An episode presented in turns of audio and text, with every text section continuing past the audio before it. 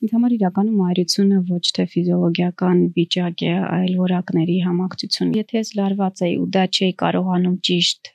տրանսֆորմացնել,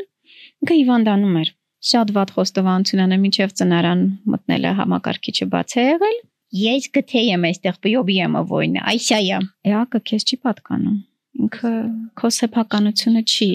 ես որևէ կերպ չեմ ջատագովում եւ չեմ պնդում, որ հայրերը հավասարապես անպայմանորեն պիտի հավասարապես պամպերս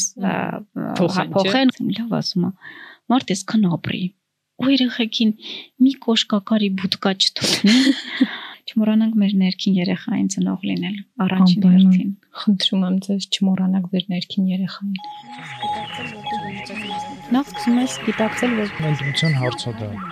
ամենակարևորը երեխաների հետ ունենալն է։ Պատմի, ինձ շատ հետաքրքիր։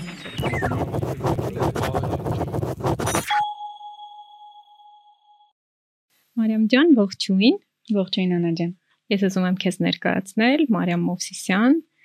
ինձ համար 3 երեխաների մայր եւ իմ նման энտուզիաստ մարդ, հետո կբացենք փակագծերը ինչու։ Եվ իհարկե հաղորդակցման մասնագետ ռազմավարական հանրային կապերի եւ ռազմավարական հաղորդակցման մասնագետ մի քիչ խառը ներկայացրեցի, բայց մեծ հաշվով երևի ես չգիտեմ Հայաստանում իմ կողմից հարգված կազմակերպություն կամ կառույց, որտեղ դու ղեկավար պաշտոն չես զբաղեցրել հաղորդակցման եւ հանրային կապերի ոլորտում, բայց շատ հանրային չես եւ ես հույսով եմ որ այսօր քեզ շատ դիսկոմֆորտ չի լինի անկեղծանալ ինձ համար քո ամենակարևոր դերի դա երեք զավակների մոր Միքայելի, Գաբրիելայի եւ Վիկտորիայի մոր դերից մի քիչ խորքային ծնողավարությունից խոսելու հույսով։ Շնորհակալ եմ հրավերի համար եւ ինչպես քեզ էլ ասել, ինձ համար մեծ պատասխանատվություն եւ պատիվ է հյուր լինելու եւ լինելով հանրային կապերի մասնագետ սովորաբար սովորեմ տեսախցիկի այն կողմում լինել եւ ավելի շատ աստվերում եւ Ինչպես նշեցի, ռազմավարական հաղորդակցությունը չի ենթադրում շատ հանրային դեմք լինել, բայց նման թեմաներով սիրով ինչով կարողանամ կկիսվեմ, որովհետև կարծում եմ, որ ծնողավարությունը ինձ համար նամանավանդ մայրությունը, հետո կխոսենք դրա մասին, ինչու հենց մասնավորապես մայրությունը մի շնոր է, որ տրվում է եւ մեծ պարտա պարտավորությունները պատասխանատվություն ունենք դա իրացնելուց եւ փորձով գիտելիքներով, սխալներով կիսվելը միայն պիտի իրար հարստացնի եւ ուրախ եմ որ նման գաղափար է զղացել եւ լույս աշխարհ բերել թող բարյավ ընթանա եւ շատ շատ շատ լավ մտքեր տարածի եւ սրտեր ջերմացնի անչափ Ես այնքան մտերիմ եմ համարում ինձ քեզ, չգիտեմ։ Հիմա որ հարցնեն ինչու չեմ կարող ասել, որովհետև շատ քիչ են եղել են առիթները, որ մենք շփվել ենք ի ուրախություն ինձ էլ քեզ էլ դրանք եղել են ծնողավարա մայրա մայրական թեմաների շուրջ սրանից էլ կխոսենք այսօր շատ ճակերտները դեռ չբացեմ բայց ինձ համար այ քիչ էր դու որ միշտ կամերայի այն կողմում էիր դա դա արդար չի ես շատ շատ կուզեմ որ քեզ ավելի շատ տեսնենք ու լսենք որտեվ ես սովորում եմ քեզանից դու ինձ համար ենք ամեն գրառումն անգամ ինձ համար ուսուցողական է ու դա չկիսել մեր համայնքի հետ, ծնողի դպրոցի համայնքի հետ ինձ համար հանցագործություններ երջանիկ են, որ դու մեր Անդրանիկ հաղորդման հյուրն ես, այնպես որ մեզ բարի ընթացք։ Հենց առաջին հարցս էլ ուզում եմ տալ դրա հետ կապված ինձ մոտ միշտ եղել է տպավորություն, մենք ծանոթ ենք 15 տարի ես չեմ վախենա ասել երևի դրանից համենայն դեպս մեր առաջին շփումը շատ բուրըն աշխատանքային աշխատանքային շրջանակում էր բայց այնքան ջերմություն մտերմություն կար որտեվ երկուսս էլ խենթ աշխատակիցներ էինք խենթ էինք հենց գործի մեջ էլ էինք խենթ եւ ու մինչ օրս ինչքան հետեւում եմ քո բազմազբաղությունը ծանրաբեռնվածությունը տպավորություն ա ստեղծել հիմա ուզում եմ ճշտել քեզանից ճիշտ տպավորությունա թե չէ որ որ դժվար է բալանսավորել դժվար է լինել կին, մայր, դուստր, աշխատանք եւ քեզանից դա շատ ռեսուրս է տանում, բոլորիս է տանում անշուշտ մեկից շատ մեկից քիչ դա ուղղակի անխուսափելի է երևի թե լինել մայր այն էլ 3 երեխաների ու համակցել դա տարբեր գործունեությունների հետ ու չսպառվել ոնց չես սպառվում ոնց ես ոնց ես քո մասին հոգ տանում, որտեղ է այն սահմանը, որ հասկանում ես, որ վերջ քեզ ընդմիջում է պետք ու պետքա վերադառնալ ընտանիք։ Նախ ուզում եմ հրաշարվել եմ պատրանքներից, որ չեմ սպառվում։ Ես կուզեմ տեսնել մեկին, ով կասի, որ միշտ կայուն է ու սպառված չէ։ Լինում են պահեր, երբ սպառվում ենք։ Եվ կարևոր է այդ պահը տեսնել, զգալ, որսալ, ըմբռնել, ընդունել, այլ ոչ թե մի կողմ դնել եւ անտեսել բոլորի համար լինի մայր, թե ոչ մայր։ Ինձ համար իրականում մայրությունը ոչ թե ֆիզիոլոգիական վիճակ է, այլ որակների համակցություն։ Ես մարդիկ գիտեմ, ովքեր իր զավակ չունեն, բայց էությամբ մայր են։ Եվ հակառակը ցավոք սրտի այսօր ավելի շատ կանանց եմ հանդիպում, ովքեր ունեն երեխաներ, բայց դեռ մայրության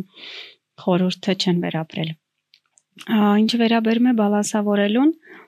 հետաքրքիր հայերենում այդ բառը դեռ չենք թարգմանել, չէ՞ work life balance, ինչ որ հավասարակշռությունը, բայց միշտ նույնն է աշխատանքային եզրույթի հետ, work life balance, որ կա, ասում են հաճախ օգտագործում են, ես խնդիր եմ ունեցել, որովհետև ինձ մոտ շատ արհեստական է հնչում work-ը, աշխատանքը life կյանքից առանձնացնելու միտքը զուտ եզրույթի մեջ ոչ ճշմարիտ ինչ որ բան կա, որովհետև եթե մենք ասում ենք կա աշխատանք եւ բոլոր մնացածն է միայն կյանքը, մենք փորձում ենք սահման դնել եւ չոր զատել աշխատանքը, որը այսպես թե այնպես կյանքի անբաժան մասն է, այսինքն եթե դու ինչ որ բանով զբաղվում ես, որը քո օրվա 6 ժամ, 8 ժամ, 10 ժամ, մտքերի առումով երբեմն 24 ժամ է զբաղեցնում, է ուր մնաց կյանքը այդ դեպքում։ Եւ ըստ իս, երբ մենք արհեստականորեն կտրում ենք դրանք, իրարից առանձնացնում եւ ոչ միայն առանձնացնում, առողջ իմաստով էլ հակադրում ենք, ինչը հաճախ լինում է, որովհետեւ եզրույթը այդպես է թելադրում։ Ասում է, որ սա սրա դեմ շատ անառողջ փոխհարաբերություններ են ստեղծվում աշխատանքի եւ կյանքի տարբեր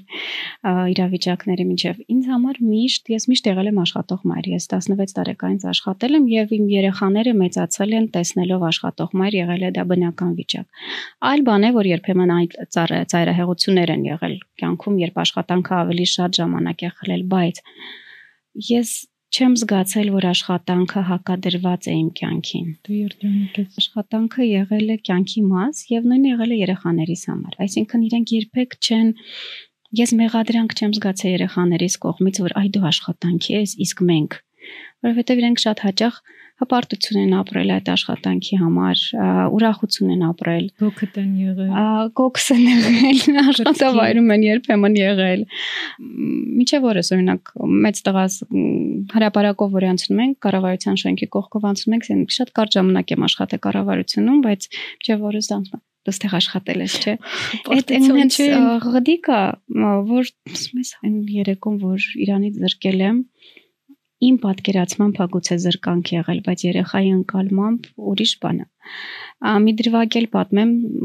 ինչ որ մի անգամ շատ մի անգամից անկեղծացա այս միջավայրից է։ Օրինակներ դրվագ։ Երբ անցանք երահար աշխատանքի, այդ ժամանակ բանկում է աշխատում եւ գործատուն շատ առողջ վերաբերմունք ուներ աշխատանքի նկատմամբ եւ հնարավորություններ տալիս նաեւ տնից աշխատելու պատերազմից հետո, պատերազմի ընթացքում շատ արժեքավոր էր այդ նախ եւ առողջապահական տեսանկյունից իդի վարակիչ տարածման եւ նաեւ հոգեբանորեն օգնում էր։ Տանը էի աշխատում եւ ինչ որ ժամանակ հետո աշխատանքից երբ դուրս եկա, ստեղծեցի իմ կառույցը եւ երեխաներին այսի գիտեք հիմա օրվա երկրորդ կեսը այնտեղ եմ լինելու իսկ իրենք շատ ուրախացել էին ինչ որ ժամանակ որ ես տանն եմ որովհետեւ ֆիզիկապես տանը իմ ներկայությունը քիչ էին վայելել Միքայելը ավակորթիս ինձ մի պահ ասեց վայ ինչ ափսոս դու բուկվալն տարածիորեն 5 վայրկյան լրություն ասեց բայց գիտես մամ երևի տենց ավելի լավ է քան երբ դու այստեղ ես, բայց այստեղ չես։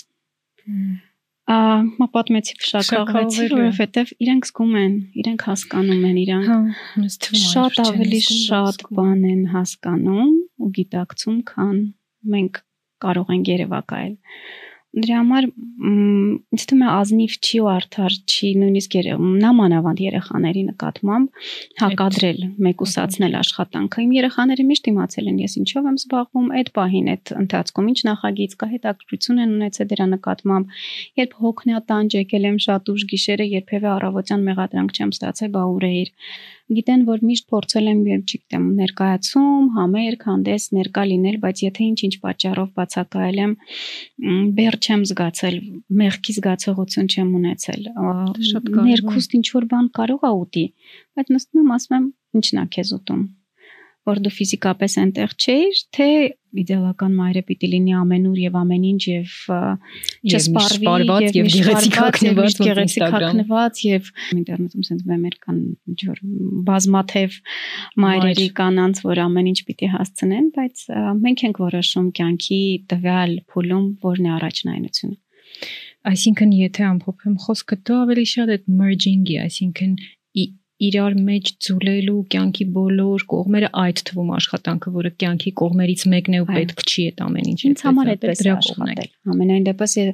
միանշանակ չեմ կարող պնդել, որ բոլորի համար դա Գիտես շատ-շատ են, այո, այդ եմ մտածում, շատ են խոսում ընդհանրապես այդ work life balance-ից վերջի տարիներին, շատ-շատ է, որովհետև մայրերը սկսեցին շատ ավելի շատ աշխատել, քան 30 տարի առաջ կամ 50, որովհետև աշխատանքը սկսեց պահանջել ավելինս ինֆորմացիոն դարում, քան առաջ ինչ որ ինժեների համար, որ նստած գծագիր էր անում, հետ գալիս էր տուն մոռանում աշխատանքը, իրոք այդ անջրպետը շատ զուլվեց, եւ որովհետև քո նման կամ ինձ նման էնտուզիաստ աշխատողներ շատացան,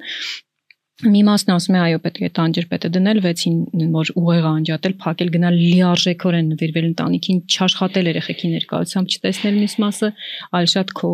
գաղափարի կողմնակիցն է, որ չկա կյանք առանց աշխատանքի, չկա աշխատանք առանց կյանքի, շատ նորմալ է գործի արանքում բազել երեխային միտեղ տանել բերել կամ անգամ հետը գործի բերել կամ տնից աշխատել հեռահար։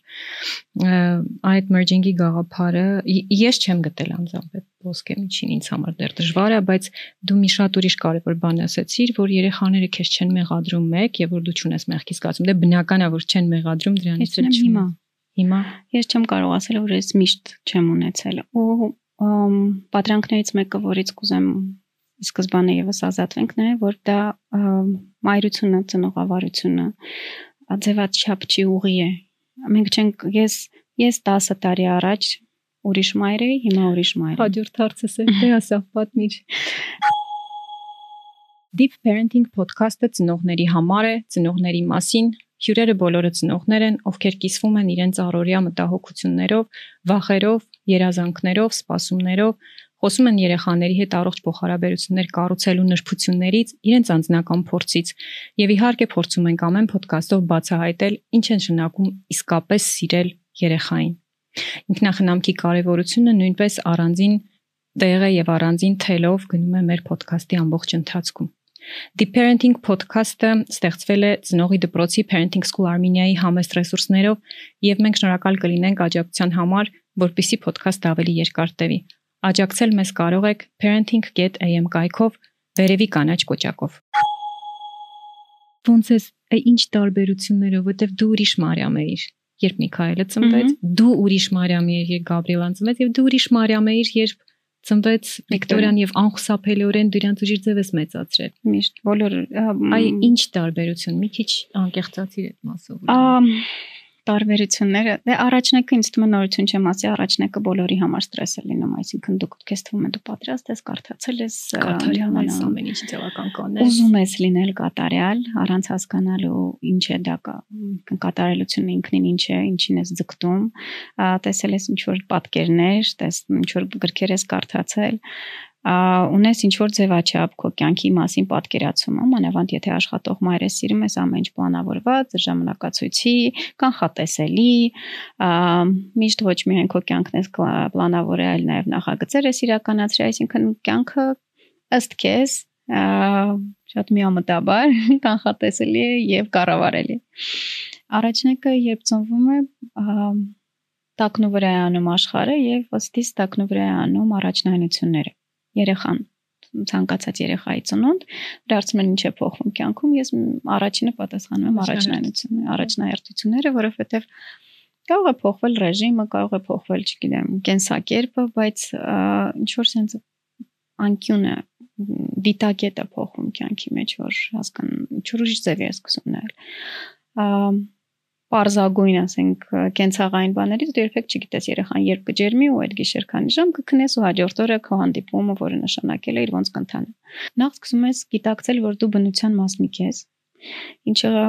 ինտելեկտուալ մարդկանց համար շատ ստրեսային ու ինչ է նշանակում դու բնության մասնիկ ես ինչ մայրության պարագայում էլեմենտար հորմոնալ ֆոնը երբ դու հասկանում ես որ դու չես քեզ կառավարում ամբողջապես այլ կառավարում է օրինակ երեխաները երեխային կերակրելու ռիթմը անհրաժեշտությունը քո քունը դու չես կառավարում դու չես որոշում այս ժամին կքնեմ այս ժամին կզարթնեմ որ դու ձակուկ ես լույս աշխարհ բերել, որը ֆիզիկական մակարդակով քեզնից կախվածության մեջ է։ Բայց առաջնեկից հետո, երբ ասում էի մյուզա բալիկներին, ես ոչ թե ձակուկ էի սպասում, այլ մարդ։ Որովհետև երբ առաջինն է սպասում, դու երեխա է ծնվել, որ ամով նախշուն տենց պատկերներ կան շատ, հա, ինչ որ ոյ, ոյ, ջան, այդ տենց ինչ որ դրամատիկ, մուսի պուսի Ջուր տարիներ անցնում են ու զգում ես, որ ինքը ուղակի երեխա չի, ինքը առանձին հոգի է, որը եկել է քո միջոցով այս աշխարհ, որը վստահվել է քեզ ու ինքը նույն չափ հասուն, եթե ոչ երբեմն ավելի հասուն հոգի է, քան դու, եւ դու պարզապես ֆիզիկական պատասխանատվություն ես կյանքի ինչ որ փուլում կրում ֆիզիկական ապահովության անվտանգության համար ու այդտեղ այդ բնության մասնիկ լինելու պահը։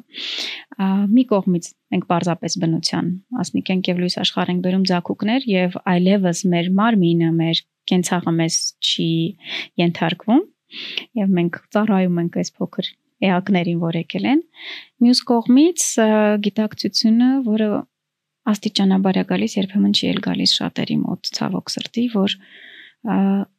էակը քեզ չի պատկանում Քո սեփական քո սեփականությունը չի ինքը եկել է քո իր կյանքով ապրելու ու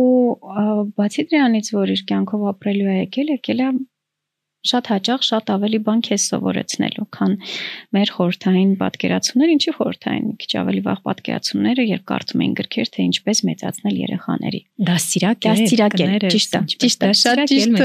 ինչպես դաստիարակ է։ Ինչպես այո, այդտեղ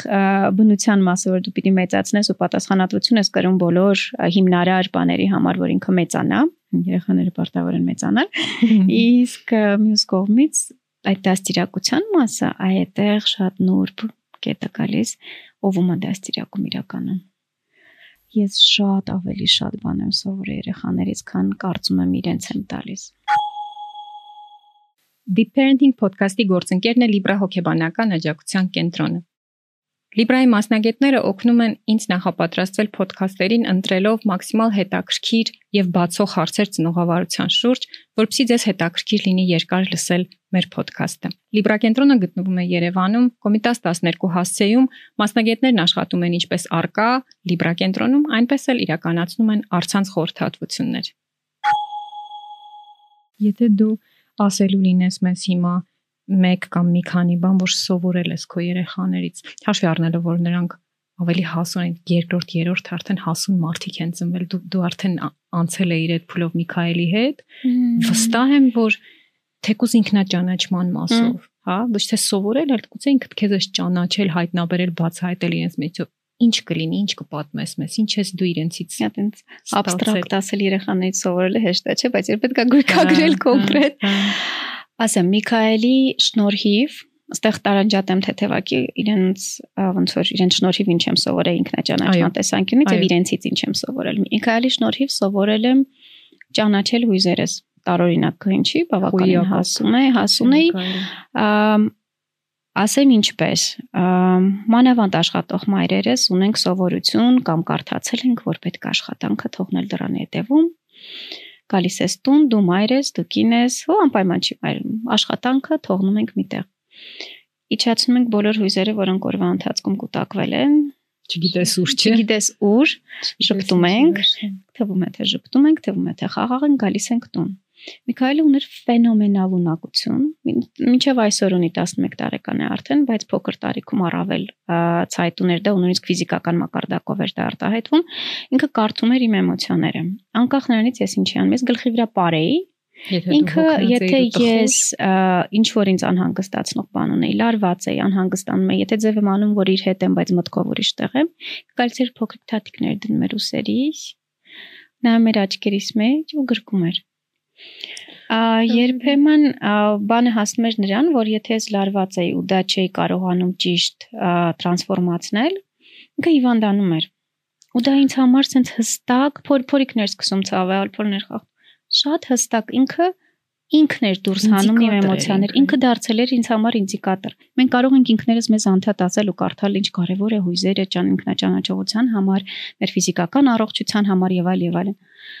գլխի մակարդակով, բայց երբ հայելային դիմաց այդ մարդու կա,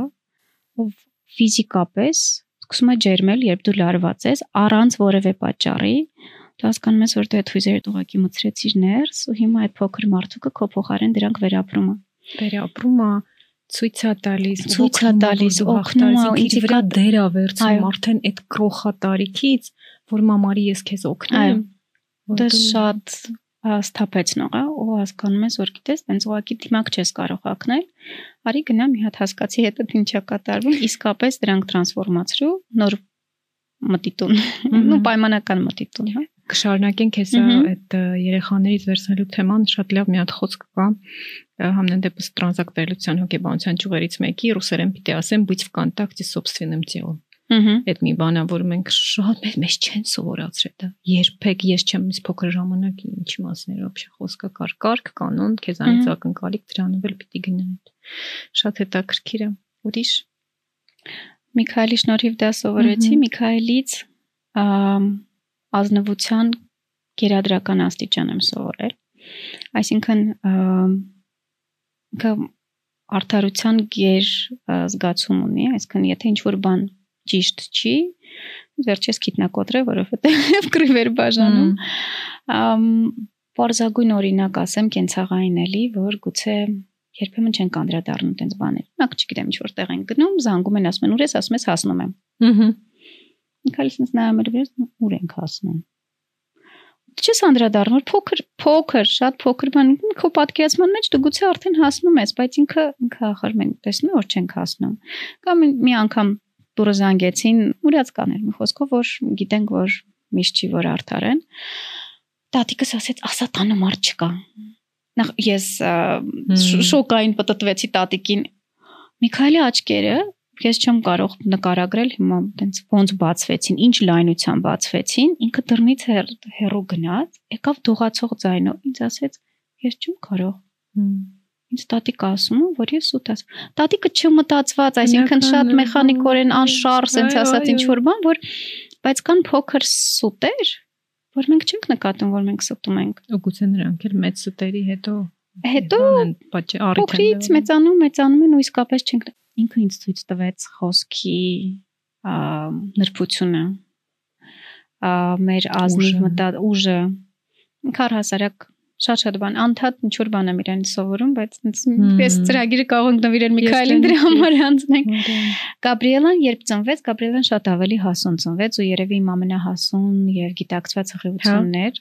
Դեմ Գաբրիելայի ժամանակ միակ աղջիկ միակ երեխան է եղել, երբ ես նորմալ ժամանակին գնացել եմ վիզարցակուրտ, նորմալ պատրաստվել եմ, տրամադրվել եմ, հետն եմ եղել մտքով, ու ինքը երբ ծնվեց, ի տարբերություն Միքայելի, որ այդեն բուտուր մուտուր ինչ որ ինչ եկել էր ջրած կամ ուր է եկել, Գաբրիելա ծնված պահից նայել է աչքերից։ Ինձ տպավ, ինձ մոտ պարություն որ 3 ամսական ինչ որ արդեն 3 ամսական երեխա է գրկես ու երբևէ իրեն որպես երեխա չեմ վերաբերել, չնայած բոլորին Իրենք երեխաների հետ երբեք մուսիպուսի չեն կանում ու իրենք էլ այդպես են խոսում ու տենց երբեմն մի քիչ շատ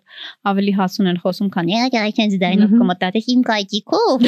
Այդպես դայնը ինչ որ կոգնիտիվ դիսոնանս է առաջացնում այդպես ինչ որ բանի մեջ, բայց հա, շանս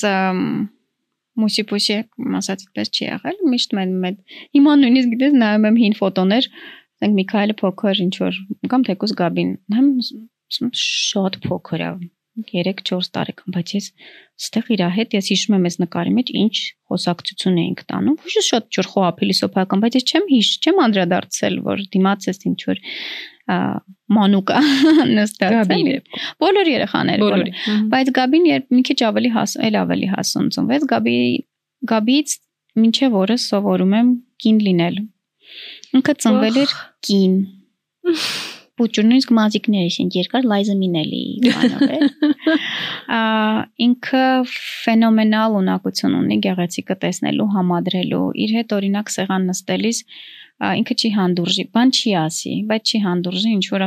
պլաստմասե ամանով ինչ որ բան դրած, ինքը լուր կգնա,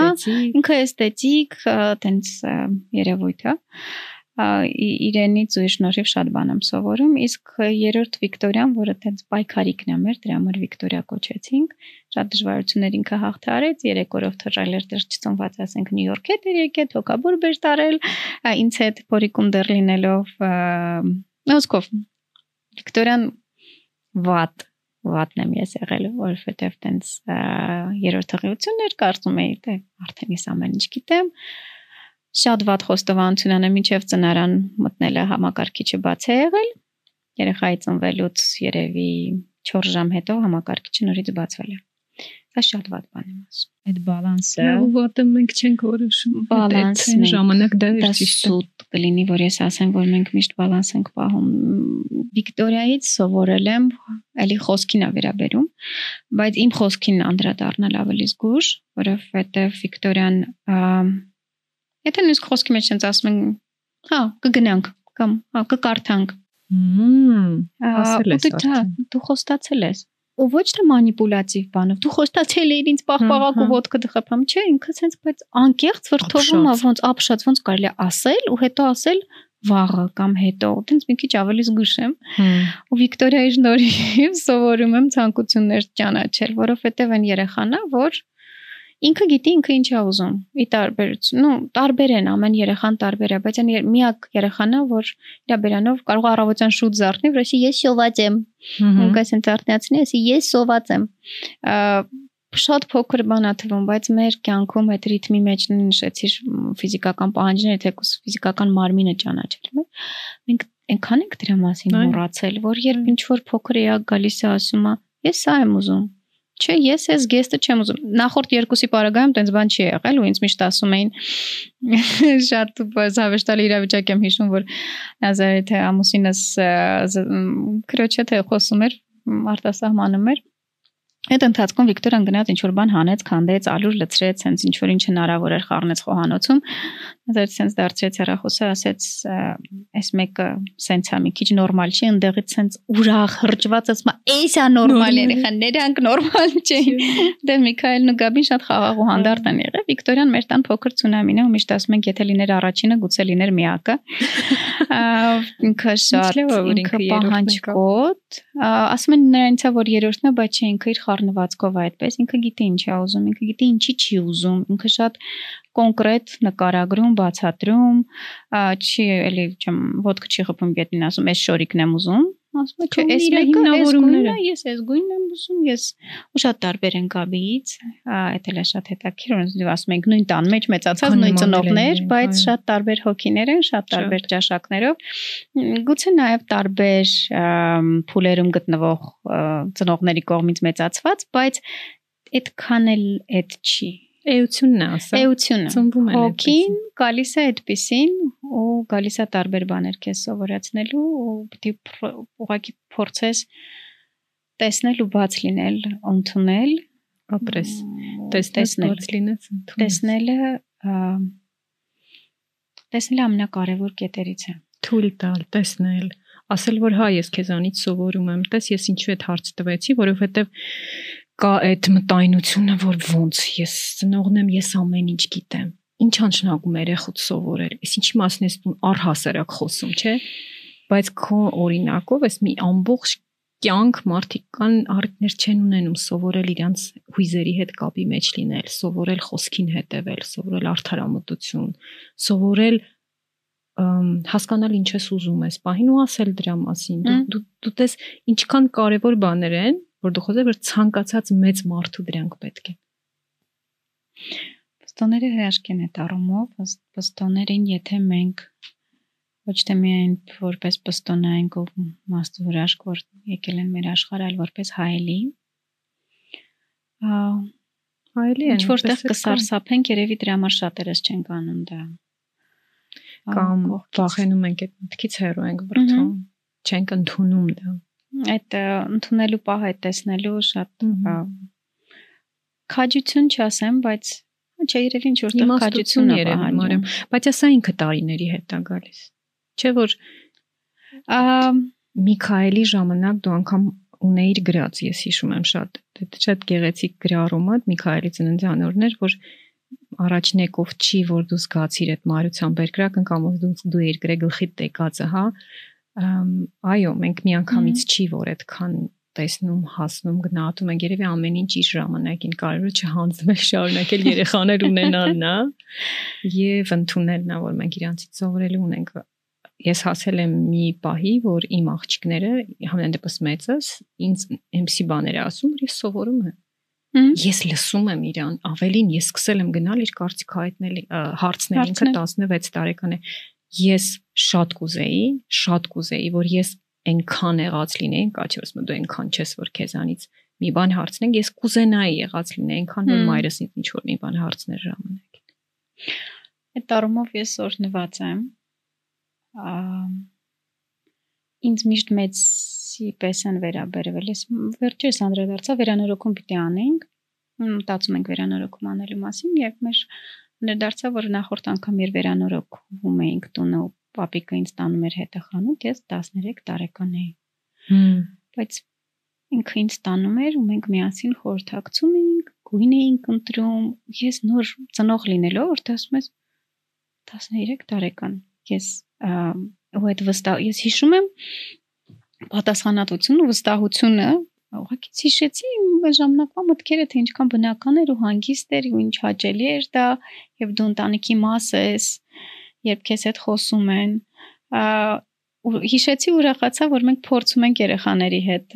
դա անել։ Դա անել։ Երբեմն իհարկե մի քիչ շատ են ուրախանում թեմայից երեք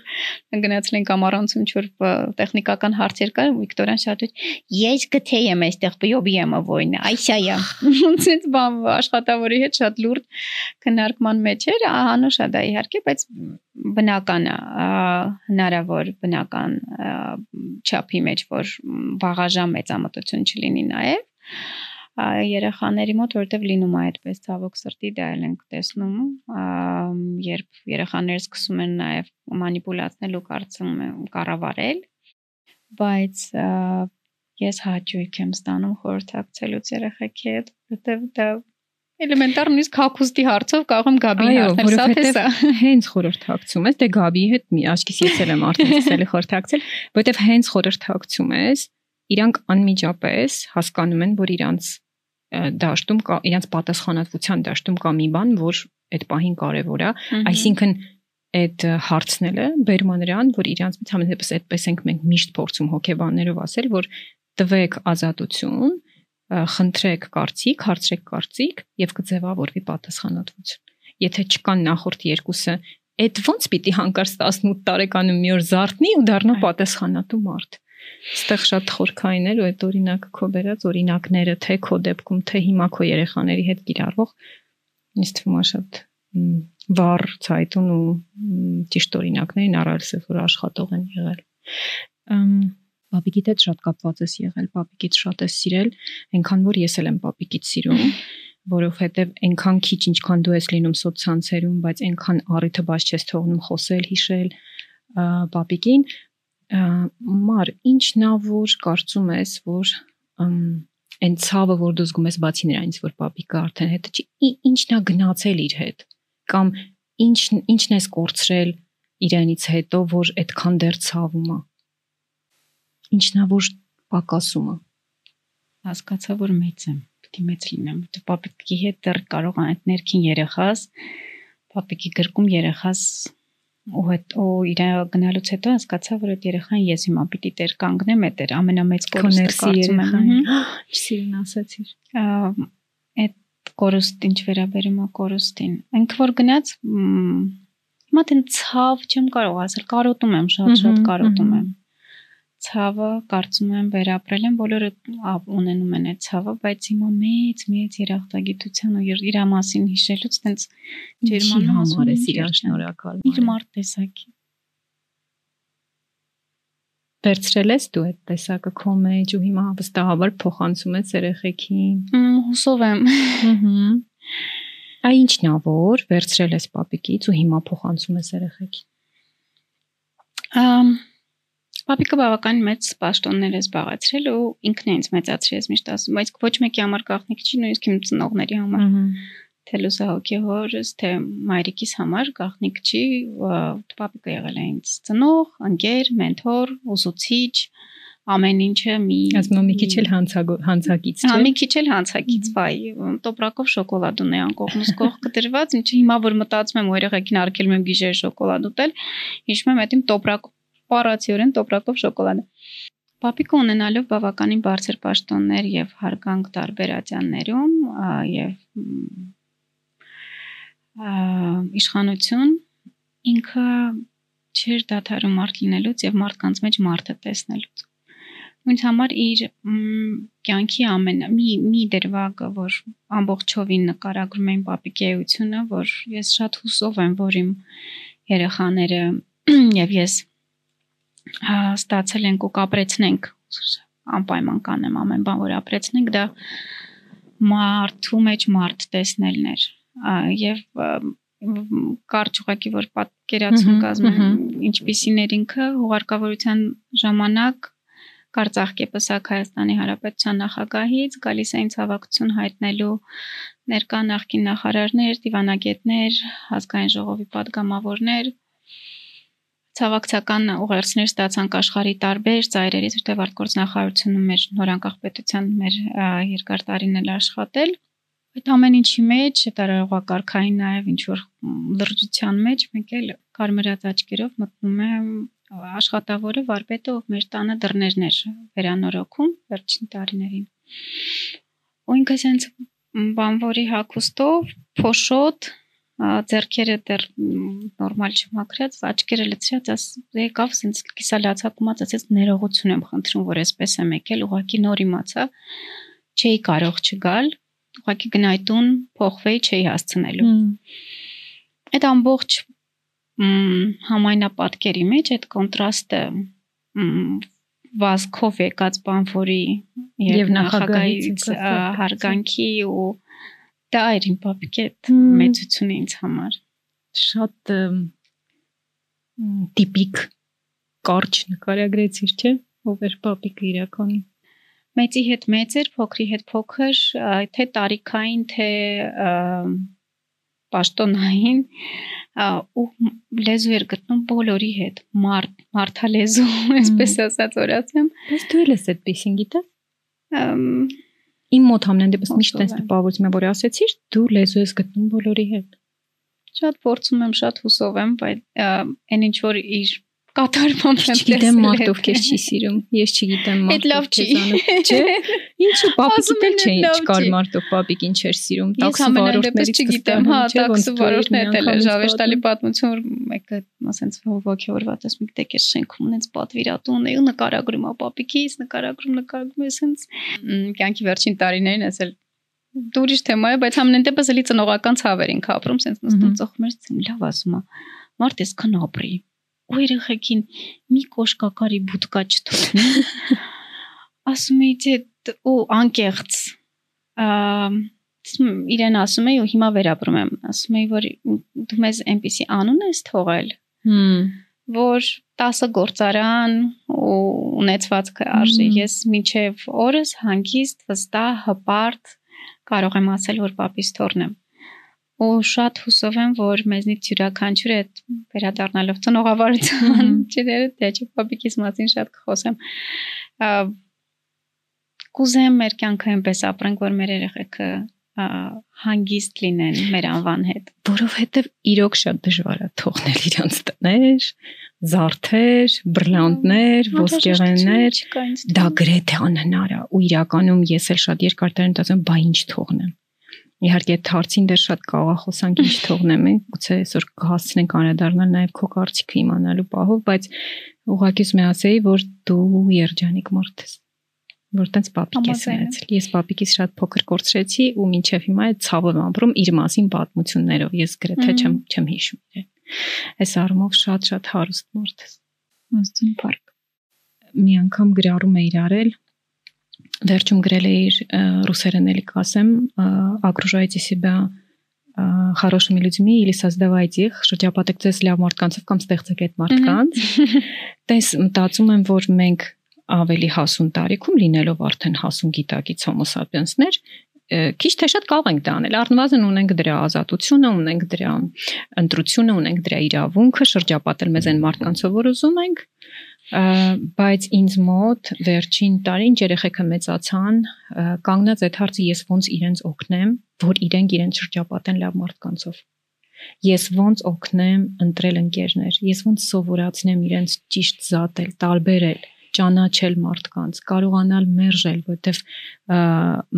մեծս կարողանում է զատել, փոքրս չի կարողանում մերժել, նա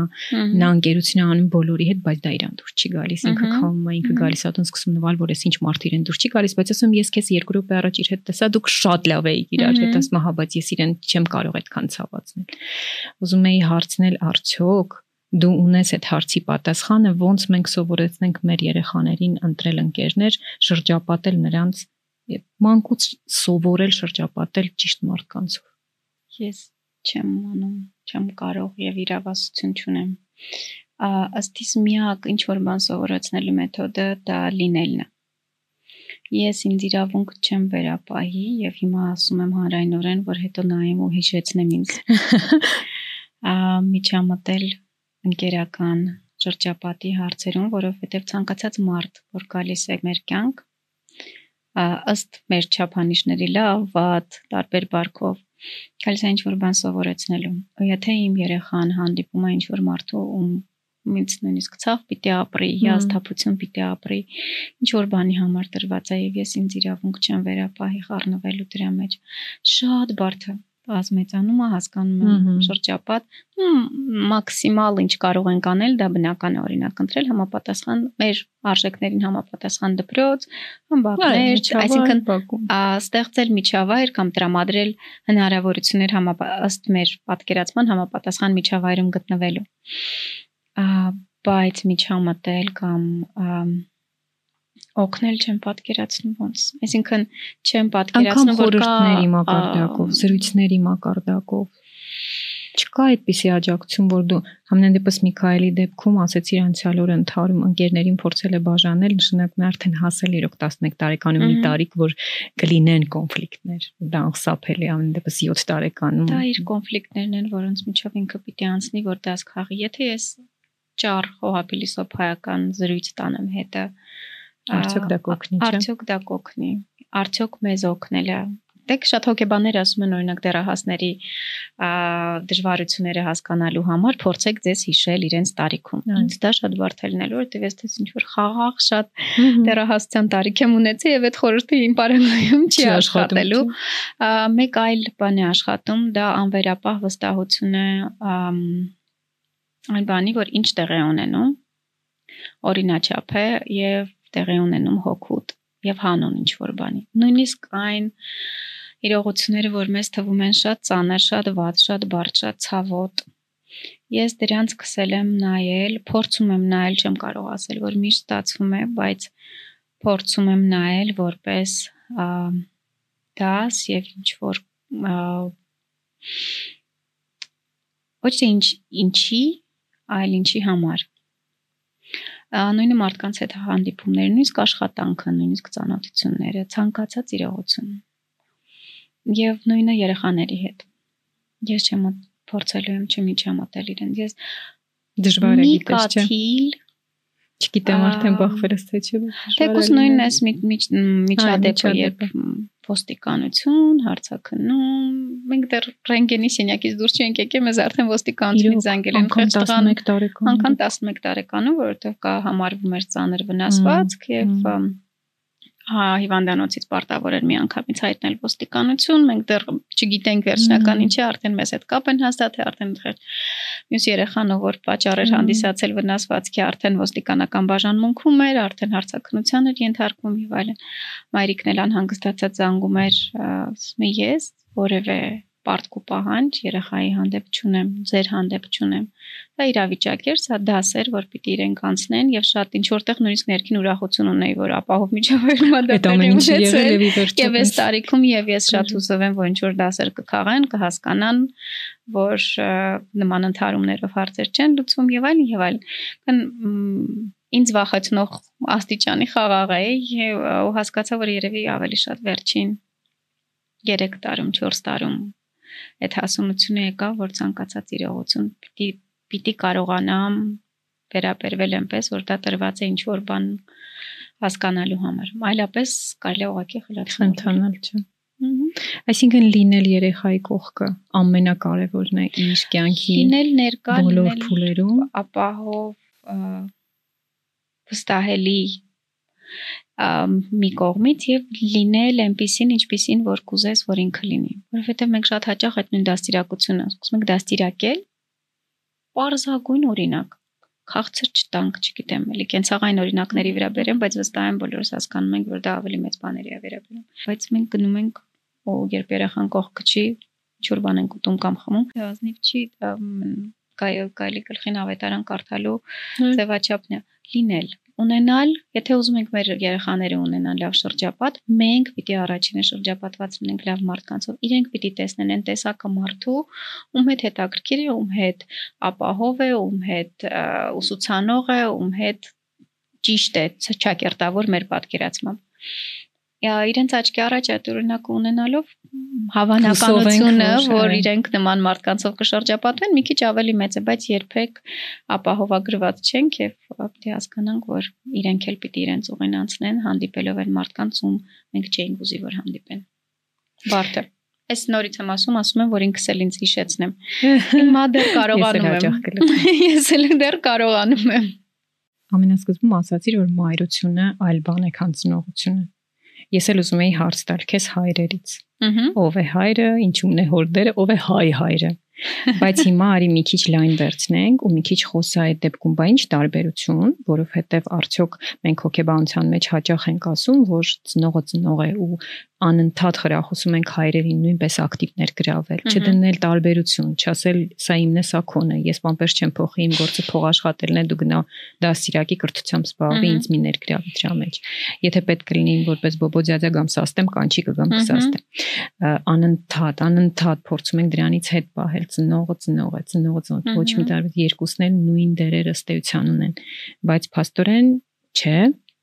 ինչ ես կարծում, այսինքն որ ասացիր մայրությունը մի քիչ այլն է ինչի նկատի ունեիր մի քիչ բացի նախ նկատի ունեի որ ասեցի մայրությունը ինձ համար ոչ թե ֆիզիոլոգիական վիճակ է այլ որակների համադրություն նույնը հայրությունը ծնող ասելով միանշանակ ես կողմեմ այն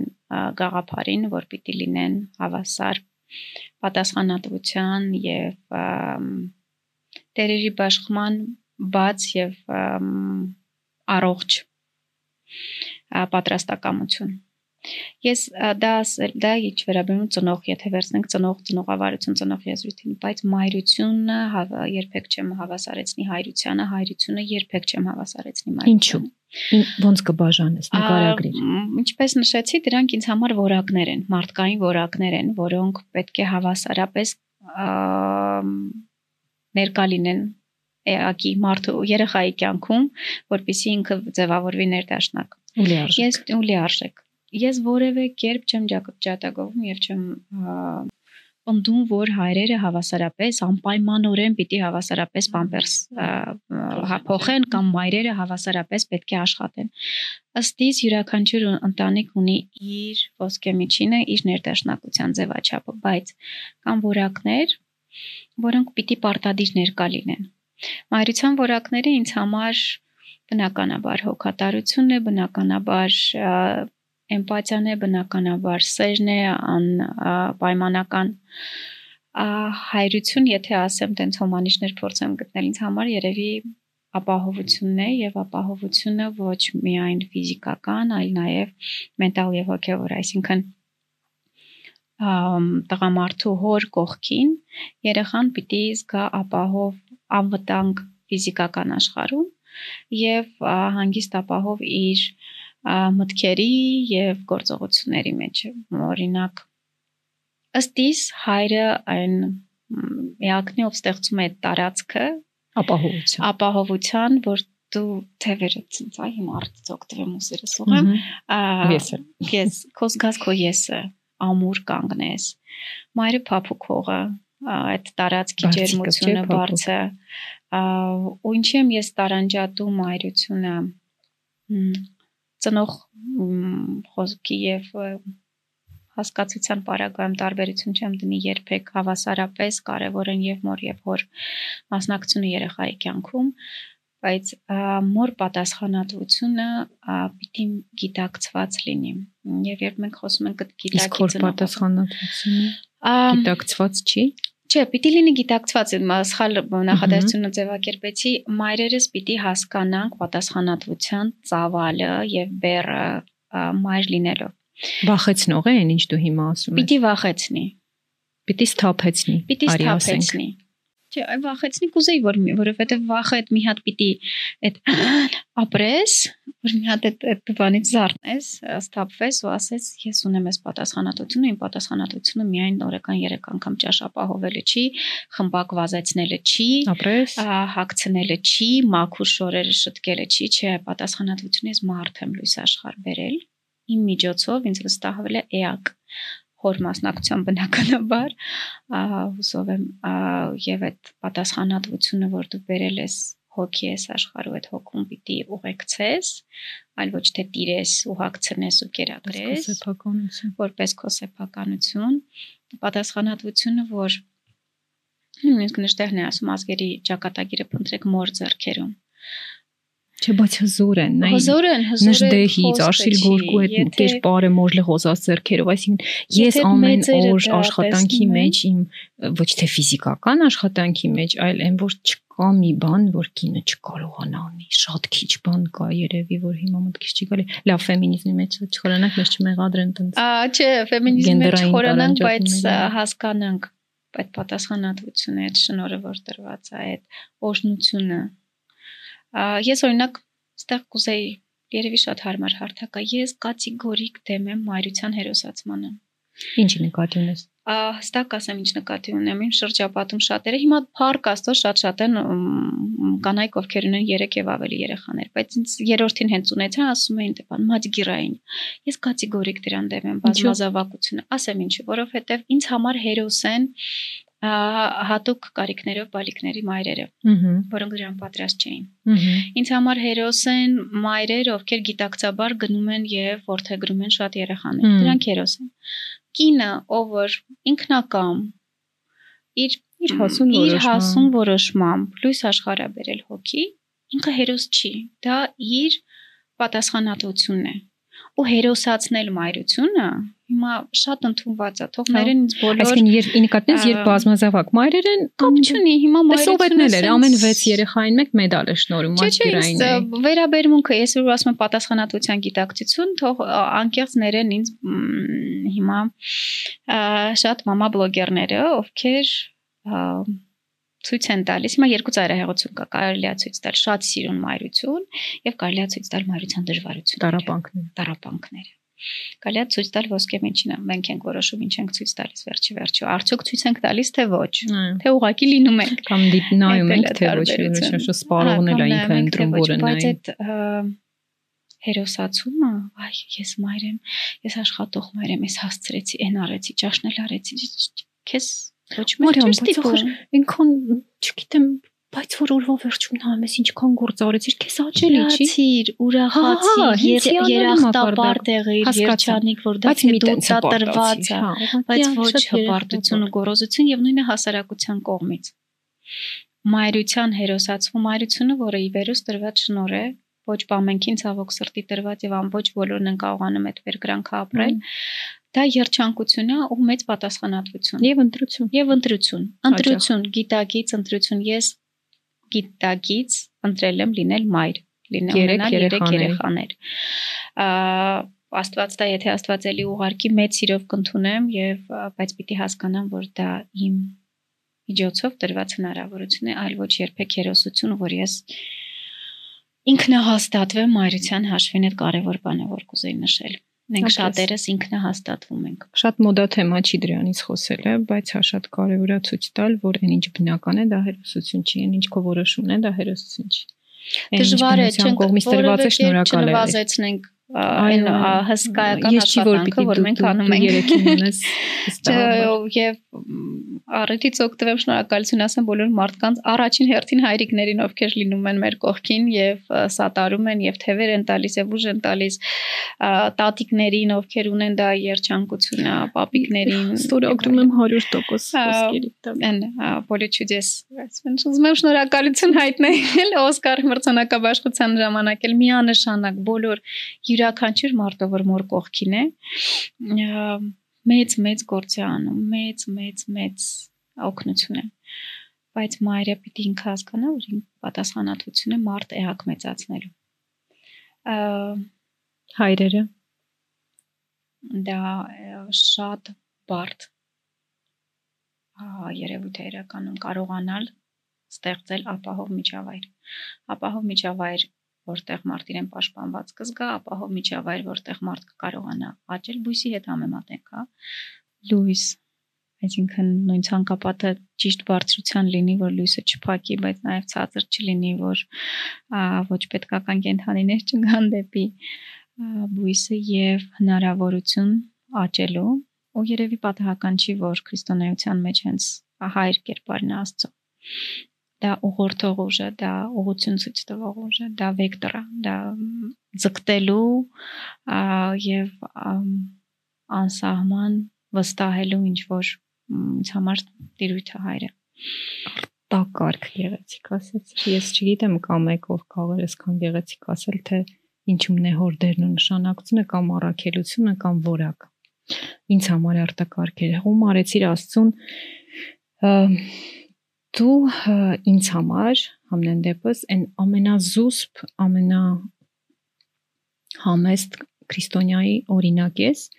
երբ կա հավատ, երբ կա քրիստոնեություն, երբ կա քրիստոնեական համամարտկային արժեքներին հետևելու անշեղ ճանապարհ, ուզում եմ հարցնել ինչպես դա փոխանցել երեխաներին մենք ինչպես երեխաների մեջ սերմանենք քրիստոնեությունը առանց պարտադրանքի, առանց կրոնը հավատի հանդեպ վերդասելու առանց եկեղեցիներ անիմաստ ու զորով տանելու, երբ ինքը դեռ ոչինչ չի հասկանում, ոնց փոխանցես, ոնց ես դու փոխանցում քրիստոնեությունը, այն քրիստոնեությունը, որ կա քո մեջ, այն հարգանքը ավանդույթների հանդեպ, որ ունես։ Երևի կկրկնվեմ, նախ ինչ որ լսեցի շաքարեցնող ուզող պարտավորեցնող էր ինքս ինձ դեռ այդպեսին չեմ համարում, բայց կձգտեմ անպայման այդպեսին լինել կշարունակեմ ձգտել կրկնվեմ միակ միջոցը երեխաներին սովորեցնելու լինելն է Պետք է անկեղծ խոստովանեմ, որ ինքս էլ անցնում եմ դեպի քրիստոնեություն ճանապարհը եւ շատ ուրախ եմ հարցի ձևակերպման համար, որ կրոննայի եւ հավատքի հստակ տարբերություն դրվեց, որովհետեւ ցավոք մեզանում դրանք շատ խառնված եւ լողոզված ու երբեմն բղծված ու ապականված են եւ քրիստոնեությունը իրապես ինձ համար կենսավոճ եւ արժեքային համակարգ է այլ ոչ ծիսակարգային ինչ որ գործողությունների հավաքական ինչ որ մի բան եւ քրիստոնեության ինքս եկել եմ դեռ գնում եմ ու շատ մեծ ուղի ունեմ գնալու բայց գտնում եմ որ երեխաներին քրիստոնեական արժեքներ կարելի է միայն ու միայն փոխանցել լինելով։ Իրենց երբեք չեմ ստիպում որևէ բան, երբ ես ունեմ անկեղծ մղում, այլ ոչ թե Կիրակի օրը գնալ եկեղեցի, ինչ որ ծրագիր դրված, իրեն գալիս են ինձ հետ եկեղեցի, եթե ես գնում եմ անկեղծ մղումով, սրտի մղումով։ Շատերը չեն համաձայնվի, կգտնեն, որ որոշ բաներ պետք է անել ռեգուլար ռեժիմով, որպեսզի դա դառնա սովորություն ես ինքս սովորությանը չգիտակցված, չվերապրված սովորությանը կատեգորիկ սկզբունքային դեմ եմ։ Ես ուզում եմ ունենալ վերապրումը եւ հավաստիացնում եմ այն կետում, երբ ես ինչ որ մի բան վերապրված եմ անում, ասում, պատմում երեխաների մոտ էլ լրիվ ուրիշ ձևի է իրականացվում լրիվ խոսքը ավելի էմպիրիկ փորձառության մասին է երբ դու քո փորձով ստուգում ես որ դա աշխատում է վերապրում ես զգում ես հետո նոր սկսում ես դրանից խոսել փոխանցել պատմել սկզբից ընդհանրապես պետք չի խոսել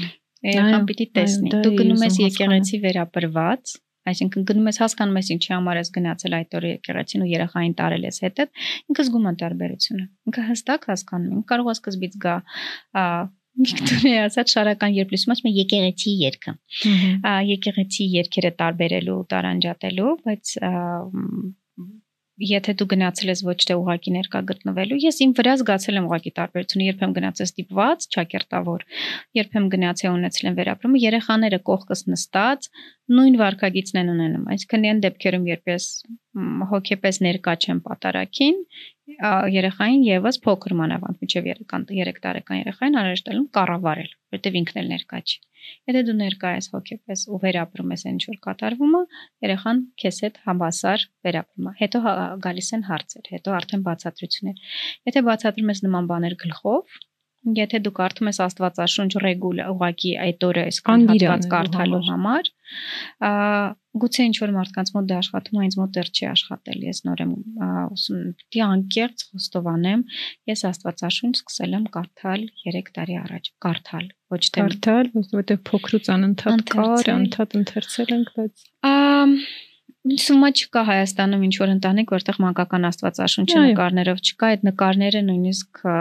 անգիր գիտենք։ Ես հիշում եմ, որ ես վերջին երեխա ունենալուց հետո այդ նույն աստվածաշունչը, ասի վայ, գստեղի գույները մի քիչ ուրիշ են, տպագրության որակը կացի, որովհետև ինքան էինք թերթել այդ նկարները, որ նկարային բանով նույնիսկ պատումները գուցե գիտենք, բայց ինչքանով ենք դա վերապրել եւ դարձրել մեր ու դարձրել ինչ որ բան քաղել դրանից դժվարանում եմ ասել։ Դա համար պիտի անկեղծ ասել լինեմ ինքս ինձ հետ, ես մի վերջին 3, գուցե մի քիչ ավել 5 տարի, որ սկսել եմ հասկանալով ինչ որ բան ընթերցել ու դեռ այդ ծավալի չեմ ընթերցում, այդ ծավալի չեմ ուսումնասիրում, որ կուզեի, բայց չեմ ուզում, որ երեխաներիս համար քրիստոնեությունը լինի եկեղեցի քար պատ միայն խորան եւ պարտադրանք իրենք պիտի հասկանան խորանը ինչ է պիտի վերապրում ունենան ներքին ինչը երեքն է մկրտված են ես երջանիկ եմ բայց մկրտությունը զուտ տեսակարգ ու արարողակարգ չի, որպիսի դրանից հետո իրենք դասվեն քրիստոնյա, իրենք պիտի ապրեն քրիստոնյա։ Իսկ քրիստոնեությունը սեր է, իսկ քրիստոնեությունը համեստություն է, քրիստոնեությունը հպարտության եւ գոռոզության իսպար բացակայություն է։ Քրիստոնեությունը ծառայություն ծառայություն է եւ մարդկությանը տարբեր ժամանակներում տարբեր ձևի փորձել են հասկացնել ինչ որ բաներ տարբեր պատկերներով, տարբեր պատումներով։ Վերջի որ էլ ճար չկար, ուղարկեցին մարդ, ուղարկեցին, որ մարդը մարդու լեզվով ապրել, անցնելով մարդկային փորձառություն, ոչ թե հին Հունաստանի աստվածների պես մարդը այստեղ աստված ենտեղ, այլ մարդացած աստվածը մարդու կյանք անցնի մարդու լեզվով բացատրի, որ մի բան հասկանանք, հասկանանք, որ մարդս մարդով է մարդ վերջի վերջո։ Այդ սերը իրար նկատմամբ, որ մենք մեկն ենք Մի խոսքով հիմա գնացի քրիստոնեություն, բայց դա չէր նպատակը կարևորագույն բաներից մեկը ինձ համար լինելն է։ Լինի քրիստոնյա, լինի բարեխիղճ, լինի, չգիտեմ, էլի կենցաղից օրինակներ կարող եմ բերել։ Կենաց ծառը։ Բոլորս Շատերս հուսով եմ գիտենք, որ հայկական ավանդույթում կա կենաց ծառ։ Այո, գուցե եւ ոչ շատ քրիստոնյա, հետո քրիստոնեացիներ այդ ունով ունենք կուլոններ, այդ ունով ունենք ողեր, ունենք նախշազարդեր, շատ-շատ բան ունենք այդ անում։ Կենաց ծառ, ծառը մեր տուն մտավ այն տարի, երբ պատերազմից հետո ամանորին հրաապարակում չդրեցին ծառը։ Իհարգանք զոհվածների եւ որպես սոքո նշան։ Եվ այդ տարի միտք խաղացանք Հասմիկ Բաղրամյանի հետ սիրելի հյուրերից մեկի անպայման փոքր աշխատարաններ անել Արցախի կանանց համար հեքիաթա արթաթերապևտիկ, որpիսի ամենքը իրեն ձեռքով կերտեն իրենց կենած ծառը ու տանեն հայկական ավանդույթով տուն, եթե տոնածառ չի լինելու դժվարություններից եւ կորուստներից հետո կյանքը մնա տանը, լինի տանը։ Անա այդ կենաց ծառը, որ մենք սարքեցինք,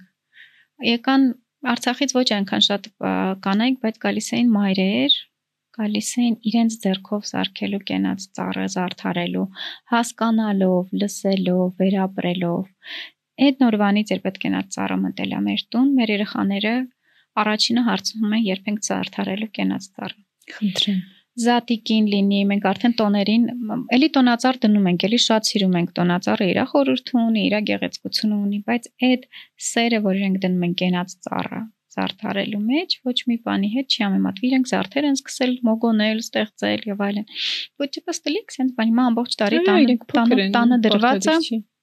տանը դրված է ինքը ու տենց տոնից տոն համապատասխան թեմատիկայով զարդարում են։ Բայց եթե ես գայի պատմեի, կարդայինք ինչ է կենա ծառը, ինչ են խորհրդանշում, ինչ էին այն դնում, ես եմ քնում արդեն։ Բայց մենք արեցինք վերապրումը ունեցար եթե ունես վերապրումը, ինքը ապրում է։ Այ իր բառն էլա նույնիսկ այնքան շատ հարուստ է մեր լեզուն, մենք երբեմն չենք գիտակցում այդ, բայց այդ վերապրում բառը ինքը ապրեցնող է շատ ցանկացած բանի հանդեպ։ Բայց ինչքան վեր գտնում եմ ազգային ունեղ կրոնականը այդքան մեծանումա համամարտկային ընկալումը ու ուզում եմ որ երեխաների մեջ մեծացնելով, սերմանելով, սեր հայրենիքի լեզվի, կրոնի, ազգի նկատմամբ դա որևէ կերպ հանկարծակի չհակադրենք համամարտկայինի Մենք մաս ենք համամարտկային։ Մենք մաս ենք։ Սոփետրով դա շատ հոյակ ապա որ մենք մաս ենք։ Վեր չենք, ավել չենք, այո, մենք ունենք բազմաթիվ շնորներ, մենք ունենք առավելություններ, բայց մենք ունենք առաջին հերթին պատասխանատվություն երբ մենք դրոշ ենք սարքում, որ մենք առաջին քրիստոնյա ազգն ենք, պիտի առաջին քրիստոնյա ազգի պես ապրենք։ Հիմնական բանն է, որ կուզեմ, որ գիտակցենք բոլորս, չհակադրենք երբևէ մեր հատուկ լինելը մնացածի հետ, հակառակը զգանք պատասխանատվությունը, կրենք այդ պատասխանատվությունը ու ապրենք այդ համապ դրան համապատասխան։ Շնորհակալ եմ շատ գեղեցիկ ասեցիր ինձ թվում է դեռ երկար ես անձամբ պիտի լսեմ այդ կտորը մի քանի անգամ մինչև մարսեմ քո մտքերը հասկանամ եւ փորձեմ ընդօրինակել, բայց մի շատ կարեւոր բան ասացիր ծառայության մասին քրիստոնեությունը նաև ծառայություն է։ Դու շատ ակտիվ ներգրաված ես, ինքդ նախաձեռնում ես, նախաձեռնասներին մասնակցում ես, փորձում ես կպցնել իրար մարդկանց հանուն ինչ որ տարբեր բարեգործությունների։ Եվ երբ ես քեզ զանգահարեցի, որ հրավիրեմ ոդքասթի, շատ հավես պահի զանգահարեցի, երբ դու փորձում էիր իրավական, եթե չեմ սխալվում, իրավաբանական կարգավիճակ տալ քո հոգե զավակին, եթե կարող ես պես ասել, մամա ֆորումին Խնդրում եմ մեզ պատմիր մամա ֆորումի մասին, ինչ փուլում է մամա ֆորումը, ինչի համար է մամա ֆորումը եւ ինչպես մենք կարող ենք մեր ընկերների հետ միասին հետևել այսուհետ քո մամա ֆորումին։ Ա հետաքրքիր տեղից եկար, հիմա ստիպված պիտի մի քիչ աշխարհիկ ձևակերպումից նաեւ գնամ ծառայության թեմային տարօրինակ կերպով, սա եւս խոստովանություն է, որ կարծեմ քեզ արել եմ, ես 35 տարեկանում միայն իմացա, որ էմպաթիա, ապրումակցումը, ա բոլորին չի տրված։ Օպշնալ չէ։ Հա, ես դա չեմ ամ ինձ թվում էր դա մարտեակին առանձնացնող ամենակարևոր հատկությունն է, հատկանիշն է։ Ես մինչև դա չհասկացա, ես ինձ համար շատ տարօրինակ էր, որ մարդիկ իրար վիրավորում են մանկուց խփում են ֆիզիկական ոչ ֆիզիկական թեկուս աշխատանքի մեջ ինչ որ բան կարող են ասել որ վիրավորական լինի ես դրան միշտ զարմացել ու ապշել եմ ասում լավ բայց ո՞նց չես հասկանում ինքը այդ պահին ինչ ապրեց Այժմ մալից դեղս գալիս է որ ամբողջ դպրոցին մոբիլիզացնում էի խաղալիքներ հակուստ էինք հավաքում գիշերօթիկ դպրոց տանելու համար ու դա ինձ համար շատ բնական էր մխում էր մխում մխում չեմ կարող ասել դա բնական վիճակ էր ես մանկուց փողոցում երբ տեսնում էի ծրտին մարդ ես մտքում եթե նույնիսկ չէի կարող ֆիզիկապես դա իրականացնել մտքում ապուր էի տակացնում բերում իրան տալիս ինձ մոտ միշտ է ցանկությունը եղել է մարդկանց հետ լինելու Տարիքի հետ տրանսֆորմացվում է, որովհետև գնում ես արդեն պատճառահետևանքային կապեր, հասկանում ես, որ մենակ խաղալիք ու կոնֆետ բաժանելով դա բարեգործություն չի, թե ինչ ինչ ձևաչափով կարելի է իրապես օգնել մարդուն, երբ է պետք օգնել, երբ պետք չի օգնել, երբ է իրականում քեզ թվացial բարեգործությունը շատ էլ չարագործություն եւ այլն եւ այլն ինքնաճանաչողության ընթացքում էլ ես սկսում հասկանալ այդ մի քայլը դու անում ես քեզ համար, թե իսկապես անկեղծ ուզում ես օգնած լինել։ Մամա ֆորումը դրա համար է ստեղծվել։ Մամա ֆորումը ստեղծվել է որպես տարածք որտեղ մայրերը կվերհիշեն, կվերականգնեն, կամրացնեն էմպաթիայի զգացողությունը միմյանց հանդեպ, որտեղ մայր դառնալով ֆիզիոլոգիական մակարդակով այնպեսի փոփոխություններ են լինում, որ անկախ ակամայից սկսում ես ինչ որ ապրոմակցական բաները ուժեղանում են, ուզում ես ինչ-որ բան մեզանում իհարկե ուրիշ ծայրահեղության անգնում սկսում ենք սովորեցնել ինչպես լինել վայ սենց կերակրել սենց հագցնել սենց եւ այլն եւ այլն դա լավ մղումներից գիտես ես այդքան ված չեմ վերաբերում դրան ինքը հետո կանցնի ինքը որ լավագույն մղումներից այո ճիշտ ճանապարհը կարճ ճանապարհը ստեղծվել էր հարթակ փոքր միջոցառումներով հիմա ուրախ եմ եւ հպարտ եմ որ ունենք նաեւ գրասենյակ տարածք որտեղ մայրերը կարող են իրենց ապահով զգալ եւ շատ ուզում եմ այստեղ ընդգծել որ խոսքը չի գնում մայրություն սովորեցնելու կամ թեկուս եւ կերակրելու ճիշտ բաներ քարոզելու մասին։ Խոսքը գնում է այն կետի մասին, որ մայր կինը մայր դառնալով չկորցնի իրեն մամա ֆորումը հասկացությունը հավաքատեղի է, հա, որպես այդպեսին կարելի ասել մասնագիտական պրոֆկոմ են, որ ճիշտ նույն իրավաբանին, որ բացատրում էի, որ հասկանանք որ ձևաչափով է ճիշտ գրանցել, ասում էի հաշվեք մայրիկների պրոֆկոմ։ Որովհետև դա եւս ինձ համար մասնագիտություն է, որը շարունակական զարգացում է պահանջում եւ այդ շարունակական զարգացման մեջ փոխգործակցություն, որովհետև իրար շատ-շատ բան տալ ունենք տալու։ Միայն գրքերը չեն, միայն փորձագետները չեն։ Դու փորձելու ես հավաքել մամաներին, որ իրենք կարողանան իրեր իրարով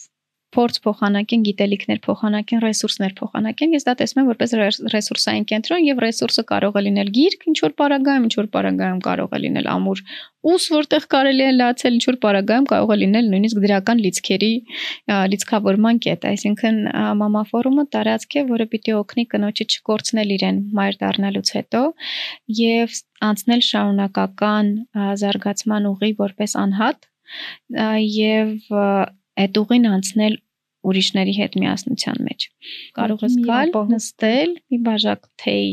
երբեմն գինի, եթե ցաներ իրավիճակ է, ինչու ոչ, վերցնել եւ իմանալ, որ քո կողքինը, քո դիմացինը քեզ չի դատելու, չի քննադատելու, կյանք չի սովորեցնելու եւ ուղակի անկեղծ իր կիսվելու է քեզ հետ փորձով, գիտելիքներով քեզ օգնելու համար։ Դա տեղ է, որտեղ ես հուսով եմ, որ մայրիկները կվերգտնեն իրենց կամ գտածը կամրացնեն, կուժեղացնեն, կզորեղացնեն, կդառնան ավելի սիրուն, ավելի խաղաղ, ավելի ներդաշնակ, կհիվերհիշեն երազանքները, իրար կօգնեն երազանքների կատարման հարցում եւ կգտնեն իրենց ներդաշնակության կետը։ Նույն աշխատանք ոչ աշխատանք կյանքում, ընտանիք, կարիերա, առողջություն, կենցաղ դրանք շատ մենք օրհնված ենք, որ ունենք այդ հնարավորությունը տարբեր կյանքեր ապրելու լինել եւ ծնող եւ կին եւ աշխատող չաշխատող ունենալ այդ ընտրությունը հնարավորությունը, բայց անենք այդ ընտրությունները գիտակցված։ Հոյակապեր ես անչափ, անչափ ուզում եմ, որ ամեն բան ընթանա մաքսիմալ հարթ, սիրուն եւ մենք մեր ոդքասթի նկարագրության մեջ քո թրտվությամբ եւ քո օգնությամբ կդնենք այն ճիշտ հղումները, որոնցով մայրերը կարող են հետևել եւ միանալ մամա ֆորումին։ Մարիամ, ես քեզ անչափ սիրում եմ, ուզում եմ ասել, որ ես ապրեմ ես, կեցեմ ես, որ հենց քեզ հենց առաջին հաղորդման հյուր ընտրեցի, ինձ համար սա բացում էր մի մի բանի, որ եւս մեկ անգամ հասկացա, որ ամեն բան շատ ճիշտ եմ անում ու ու, ու պիտի շարունակեմ անել։ Հենց շնորհիվ քո նման մայրերի շնորհակալ եմ քեզ, որ եկար։ Սրտան շնորհակալ եմ։ Մեր սերը խիստ փոխադարձ է, թեպետ ֆիզիկական հանդիպումների դաշտում հպանցիկ, բայց քո ներկայությունը իմ կյանքում եւ շատ շատերի կյանքում ծնողական դպրոցի շնորհիվ այնպիսի ծանրակշիռ է ու որակյալ եւ խիտ, որ կարծում եմ ֆիզիկական հանդիպումները ես կհաճախեցնեմ եւ ավելի մամա ֆորումի շրջանակներում առիթներ կստեղծեմ եւ ուզում եմ շնորհակալություն հայտնել նաեւ քո կատարած աշխատանքի համար եւ հպարտությամբ ասել որ նույն մամա ֆորումի առաջին գրադարանիկի առաջին գրքերից եղել են հենց ձեր ստեղծած ռեսուրսային նյութերը որոնք ես վստահ եմ որ պիտի օգտակար լինեն մայրերին ավելի լավ ծնող լինելու մեջ եւ մի կարևոր բան, որ կուզեմ ամփոփենք, որ ծնող լինելու ընթացքում այս ոդկասթի ընթացքում այդ դրան անդրադարձայի դեպ հետաքրքիր է։ Չմոռանանք մեր ներքին երեխային ծնող լինել առաջին հերթին։ Խնդրում եմ ձեզ չմոռանաք ձեր ներքին երեխային։ Ինքը կա։ Ասա որ կա ինքը։ Ինքը կա ու մինչև իրեն չընդունենք, չտեսնենք, իր իր համար ծնող չլինենք, մենք չենք կարող լինել հասուն ծնող մեր երեխաների համար։ Այսքան շնորհակալություն։ Քեզ էլ։ Մարիամը մեզ սովորեցրեց սովորել երեխաներից եւ երեխաներից սովորելը ամոթ չէ երեխաներին խոստովանելը, որ ինչ որ բան ունենք իրենցից վերցնելու, որ իրենք հենց այնպես չեն եկել մեր կյանքը, որ վերցնում ենք դա, տեսնում ենք, նկատում ենք եւ սովորում ենք, ավելի կարեւոր է, քան ձև անել, որ մենք որպես ծնող բացարձակ հեղինակություն ենք, միշտ ամեն ինչ գիտենք, ունենք բոլոր պատասխանները եւ ոչինչ չունենք սովորելու մեր երեխաներից։ Սրանք իմաստուն խոսքեր էին, որ կուզեմ այսօր տանենք մեզ հետ։ Չմոռանաք տարածել ոդքասթը, share-ել, like-ել, ուղարկել այն ծնողներին, ովքեր ըստ ձեզ Մարիամի հետ այս խոսակցության կարիքն ու Մարիամի արտահայտած մտքերի կարիքը շատ կունենան։ Շնորհակալ կլինենք, եթե թեգեք մեր Instagram-յան եւ Facebook-յան էջերը եւ իհարկե Մարիամ Մովսիսյանին եւ Մամա ֆորումը, որոնք բոլորը կթողնենք նկարագրության մեջ։